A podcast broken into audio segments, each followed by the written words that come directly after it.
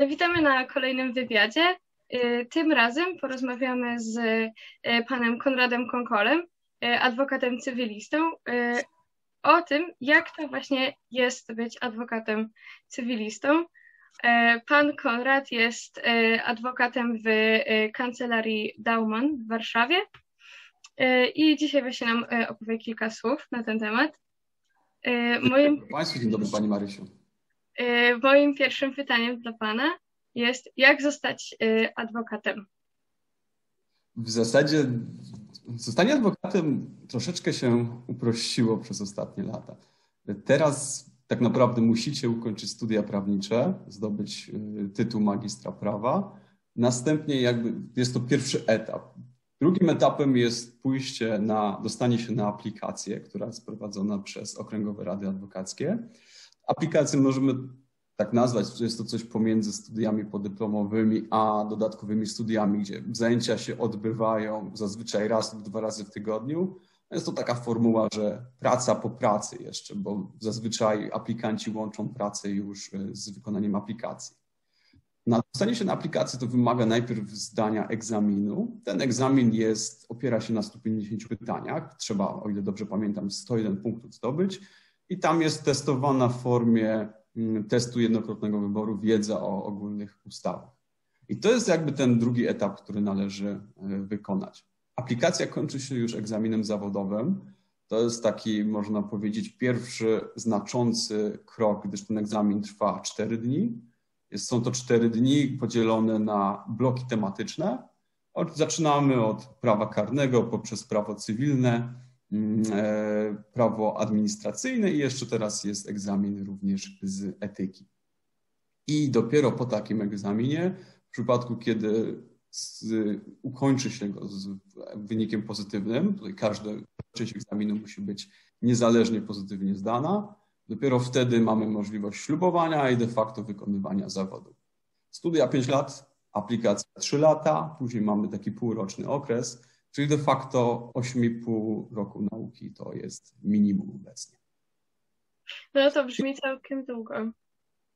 To brzmi całkiem długo, natomiast i tak troszeczkę, tak jak na początku powiedziałem, uprościło, bo hmm, chyba, o ile dobrze pamiętam, około 2008 roku hmm, dostanie się na egzamin e, do, na aplikację jest prostsze. Wcześniej te egzaminy nie miały w takiej formie scentralizowanej i były indywidualnie przeprowadzone przez poszczególne izby. Także po tej reformie można znacznie bardziej, e, łatwiej, jest łatwiej e, dojść do tytułu adwokata. Wcześniej to były różnego rodzaju ograniczenia przez poszczególne izby nałożone.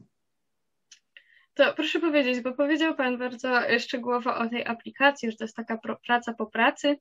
I co w momencie, kiedy już dojdzie, przejdzie się cały ten cykl 8,5 lat i dojdzie się do momentu zaprzysiężenia i jest się już tym adwokatem, osiągnęło się w pewnym sensie swój cel i w jakiej formie można pracować?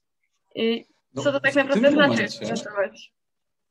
W tym momencie mamy w zasadzie kilka możliwości. Tak patrząc na rynek i patrząc też na moich znajomych, możemy sobie podzielić pomiędzy osoby, które wykonują zawód w formie jednoosobowej kancelarii indywidualnej, czyli to są osoby, które albo prowadzą własną kancelarię, albo y, współdzielą takie biura, to można powiedzieć, tak, takie kooperatywy tworzą. Y, I to jest, powiedziałbym, 95% adwokatów, którzy działają w takich właśnie raczej kancelariach jednoosobowych, indywidualnych. Do tego mamy drugi drugi, drugą możliwość. Są to głównie adwokaci wykonujący swój zawód w ramach różnego rodzaju spółek. To są spółki partnerskie, spółki jawne, spółki komandytowe. Co jest istotne, nie może być nasza typowa spółka z ograniczoną odpowiedzialnością, bo e, adwokat, dając jakby rękojmie należytego wykonania, musi ponosić w spółce odpowiedzialność e, nieograniczoną swoim majątkiem. Czyli de facto wszystkie spółki kapitałowe, czyli spółki akcyjne i spółki z ograniczoną odpowiedzialnością, są, nie mogą służyć do wykonywania zawodu adwokata. To z ustawą prawo o adwokaturze jest, e, jest tam wyraźne wykluczenie e, tych form. I w praktyce, ile osób wykonuje w takich spółkach, to są już bardziej rozwinięte kancelarie, które mają większe spektrum działalności zazwyczaj. O czym nie możemy zapominać, że w dzisiejszych czasach coraz więcej osób wykonując zawód adwokata w tej formie jednoosobowej kancelarii, bardzo często na stałe współpracuje z kancelariami, które są już na rynku zaczepione. Czyli przykładowo mógłbym powiedzieć, że ja, będąc, mając tą indywidualną kancelarię, mimo wszystko blisko współpracuję z kancelarią inną, większą, która jest spółką partnerską, spółką komandytową i wykonuję stałe zlecenia. To można powiedzieć, że to ewolucja rynku, która miała miejsce w ostatnich Mhm. Powiedział Pan o współpracy ze spółkami, z różnymi e, dużymi kancelariami oraz o prowadzeniu własnej działalności. I proszę powiedzieć, jak w takim razie można wydefiniować pracę adwokata? Czym on się tak naprawdę zajmuje? Bo to jest bardzo duży rozstrzał, tak mi się wydaje. Czym się zajmuje adwokat? Pomaganiem ludziom, udzielaniem pomocy prawnej tak naprawdę. Też elementem roty ślubowania jest świadczenie, świadczenie pomocy prawnej. Natomiast co tutaj się zmieniło, to zawód adwokata ewoluuje. Mm, jakbym jeszcze poszedł, zacznę troszeczkę od przeszłości, a potem przejdę do tego, jak to dzisiaj wygląda. Jeszcze jakiś czas temu było wyraźne rozróżnienie zawodu, zawodu adwokata i radcy prawnego. Na przykład w latach 90. radcy prawni, radcowie prawni, tutaj prawidłowo powinienem użyć, radcowie prawni udzielali pomocy przedsiębiorstwom, natomiast pomoc prawna dla indywidualnych osób była zarezerwowana dla adwokatów. Później te różnice coraz bardziej się zacierały, aż doszło do takiego, można powiedzieć, przełomu w momencie o ile tutaj chyba się nie mylę, to był 2015 rok, kiedy radcy, radcowie prawni uzyskali uprawnienia do obrony w sprawach karnych. I w tym momencie, w praktyce, jeżeli chodzi o zakres uprawnień, to te dwa zawody się bardzo zrównały. I mm, teraz nawet powiedziałbym, że z uwagi na to, że radca prawny ma możliwość bycia zatrudnionym na podstawie umowy o pracę, czego adwokat nie ma, to wielokrotnie dla wielu osób ten zawód radcy prawnego wydaje się bardziej atrakcyjny, patrząc tak zero-jedynkowo na to, jakie kto ma uprawnienia. I gdzie teraz ewoluował ten zawód adwokata? Jeszcze jak popatrzymy sobie na początki lat 90., a tak też na działalność adwokatów e, z okresu PRL-u, to głównie adwokaci byli utożsamiani z znanymi obronami karnymi, z takim reprezentowaniem właśnie osób fizycznych przed sądami. Dzisiaj ten model zaczyna się w pewien sposób troszeczkę zmieniać. Ja to powiem ze swojej perspektywy bliżej, bo jak spojrzymy na różnego rodzaju specjalizacje, to co specjalizacja de facto, to zupełnie jest e, inny sposób wykonywania zawodu. Czyli tym samym inaczej funkcjonuje karnista, który w większości zajmuje się postępowaniami przygotowawczymi, e, sądowymi przed sądem karnym, które są niesamowicie inne niż tak naprawdę cała cywilistyka. I później ten podział na prawo cywilne i administracyjne. W prawie cywilnym to jest ogrom spraw. Można powiedzieć, że można się specjalizować od zamówień publicznych, można się specjalizować w spółkach handlowych, w takim sprawie cywilnym, rodzinnym, w sprawach bardziej, można powiedzieć, e, bliższych osobom fizycznym, czyli prawo spadkowe, prawo rzeczowe, czyli nieruchomości, a można być na przykład specjalistą, ja uważam, że jest bardzo interesującą dziedziną, na przykład prawo ochrony konkurencji, które tu mamy specjalistów od, od naprawdę bardzo wąskiego wycinka tego, czy dane przedsiębiorstwa swoimi działaniami naruszały praktyki, naruszały zasady uczciwej konkurencji, czy też e, postępowały prawidłowo. I każda z tych specjalizacji, tak już w większym zakresie, wymaga zupełnie innego mindsetu tego prawnika, bo inaczej się pomaga w sprawie rodzinnej, gdzie tak naprawdę bardzo ważna jest empatia, psychologia, ale też takie, takie doświadczenie życiowe, a zupełnie inaczej pomaga się w specjalizowanych dziedzinach, na przykład międzynarodowego planowania podatkowego co też jest oczywiście rolą prawników, bo wiem, że mimo, że jest osobny zawód doradcy podatkowego, ale de facto i prawnicy, i adwokaci, radcowie prawni mają możliwość świadczenia tych usług doradztwa podatkowego. I teraz prawnik, czy też adwokat, w takim rozumieniu bardziej już prawnika obsługującego procesy gospodarcze, staje się powoli takim towarzyszem biznesu, że rola troszeczkę zaczyna się odrywać od y, czystego posługiwania się formułkami prawa, czy też czystego odwoływania się do przepisów. Klient przychodzi z problemem i my musimy znaleźć rozwiązanie, które nie tylko jest prawidłowe z punktu widzenia prawnego, natomiast też ono jest biznesowo i operacyjnie i podatkowo jest adekwatne.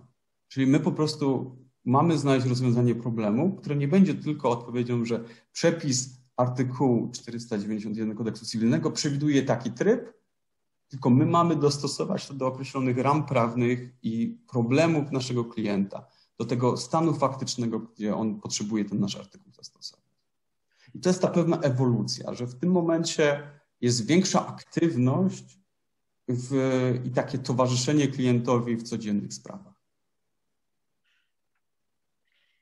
No, powiedział Pan o specjalizacji, o różnych działach prawa i o tym, jak różne są, i o tym mindsetie prawnika.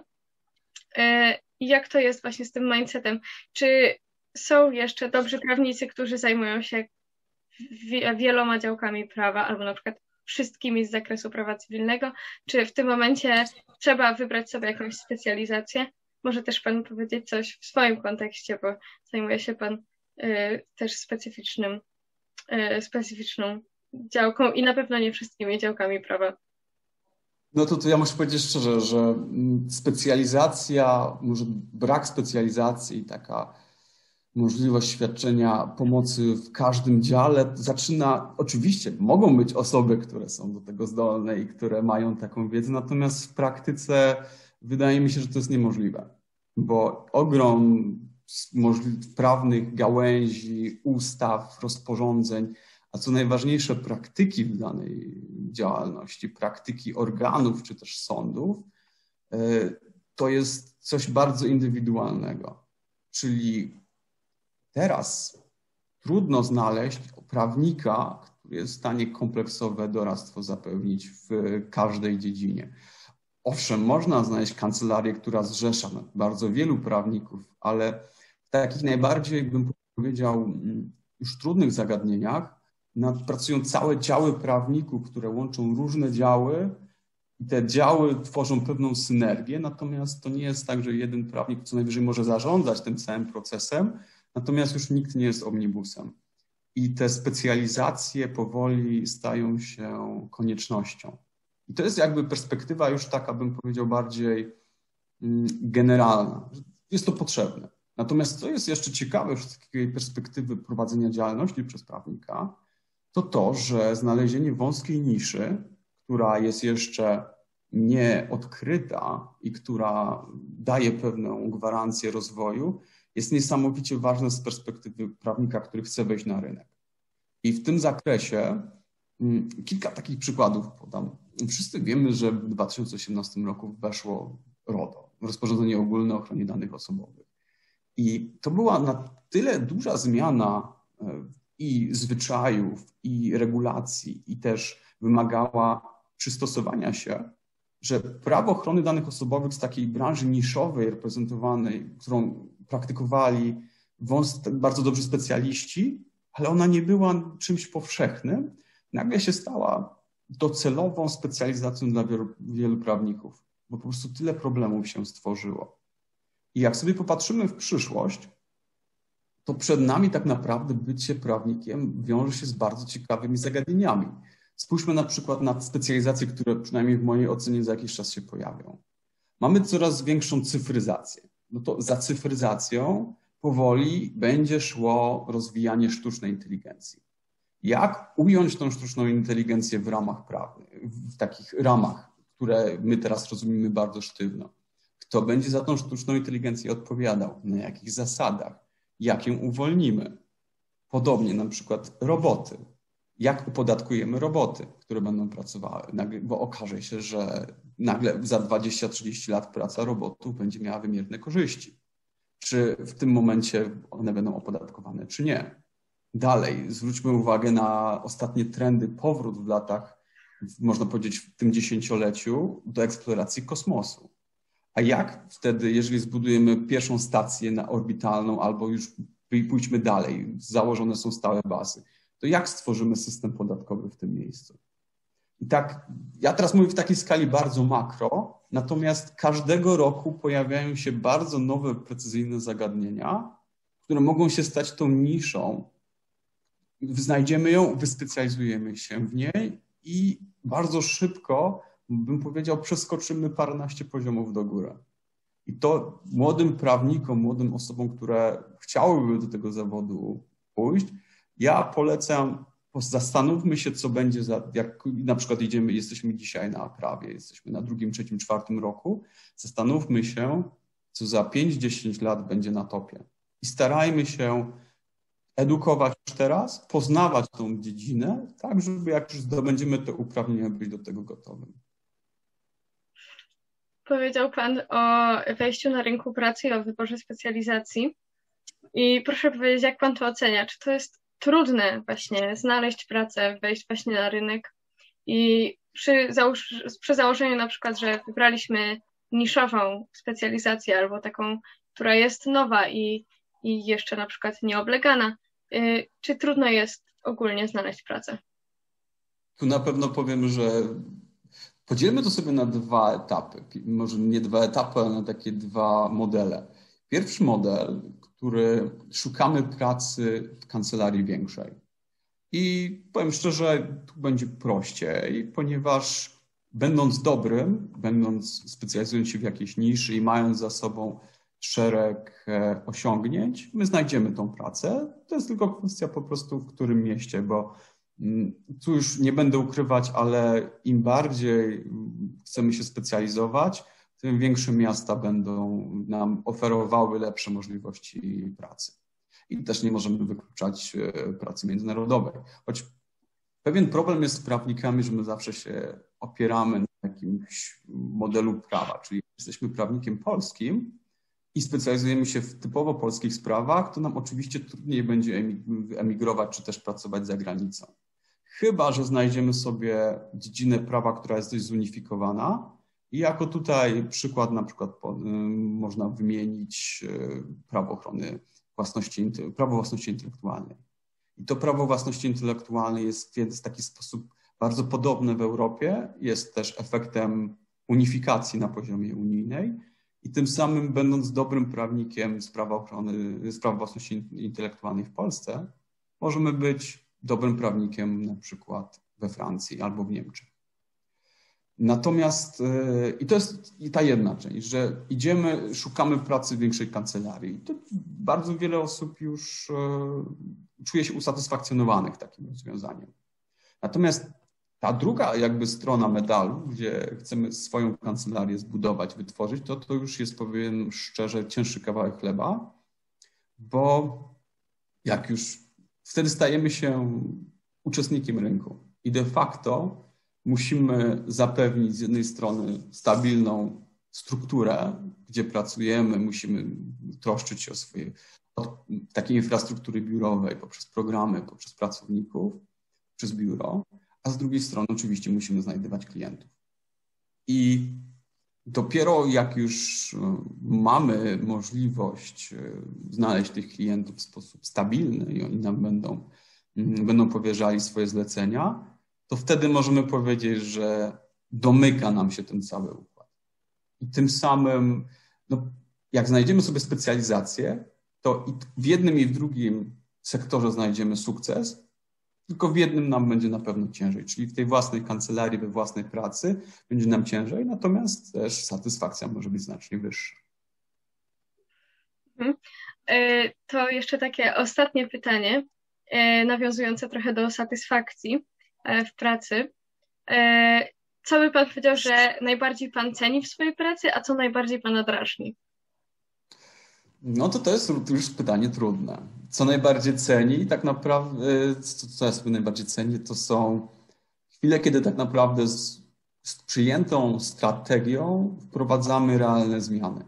Czyli poprzez pewne działania, które zaplanowaliśmy pół roku wcześniej lub też rok wcześniej, bo czasami tak wyglądają różnego większe transakcje, czy też procesy sądowe, kiedy mamy ten proces bardzo zaplanowany i on po wdrożeniu wielu kroków i podjęciu wielu decyzji, on po pewnym czasie zaczyna przynosić plony. To jest na pewno rzecz, jedna rzecz, która jest e, bardzo cenna w doświadczeniu prawnika. Natomiast też oczywiście kluczowe jest, jak widzimy, że faktycznie potrafimy zmienić coś w życiu, pomóc niektórym osobom i doprowadzić do, do sukcesu. Pewne, mm, tak zmienić życie na plus wielu osobom naszą pracą. Co natomiast drażni, no to to już powiedziałbym takie cechy rynkowe. Czasami e, niektóre oczekiwania prezentowane przez klientów mm, zderzają się z rzeczywistością, gdyż jak popatrzymy na na przykład amerykańskie filmy czy seriale, tam 100% spraw wygranych niektórzy prawnicy mają, że oni tylko wygrywają. A to się po prostu, to jest e, wizja bardzo przerysowana, gdyż często naszą pracą jako prawnika jest też dobrze przegrać. To, że ta porażka jest na tyle, można powiedzieć, porażka procesowa, jest na tyle sposób kontrolowany przeprowadzona, że to nie jest jak rozbicie samochodu o ścianę, natomiast tylko kontrolowany poślizg. Dlatego też często oczekiwania klientów są bardzo szybko weryfikowane przez życie. Natomiast niektórzy klienci to zrozumieją, a niektórzy nie do końca. Dziękuję bardzo. Y, wygląda na to, że sam, y, sam zawód y, prawnika cywilisty no, jest bardzo, bardzo szeroko, szerokim pojęciem, więc na pewno nie dalibyśmy rady w tym czasie go odpowiednio zarysować, ale mam nadzieję, że udało nam się choć troszkę. Wychodzi na to, że można się zajmować zarówno lotami w kosmos, jak i prawem podatkowym na przykład. Tak. Prawo jest bardzo pojemne i jak tylko szybko, tak jak mówiliśmy o tym mindsetie, jak tylko złapiemy pozytywny mindset już na początku, to jeżeli utrzymamy go, możemy bardzo ciekawe rzeczy tworzyć. E, dziękuję bardzo. E... Dziękuję Pani Marysiu, dziękuję Państwu.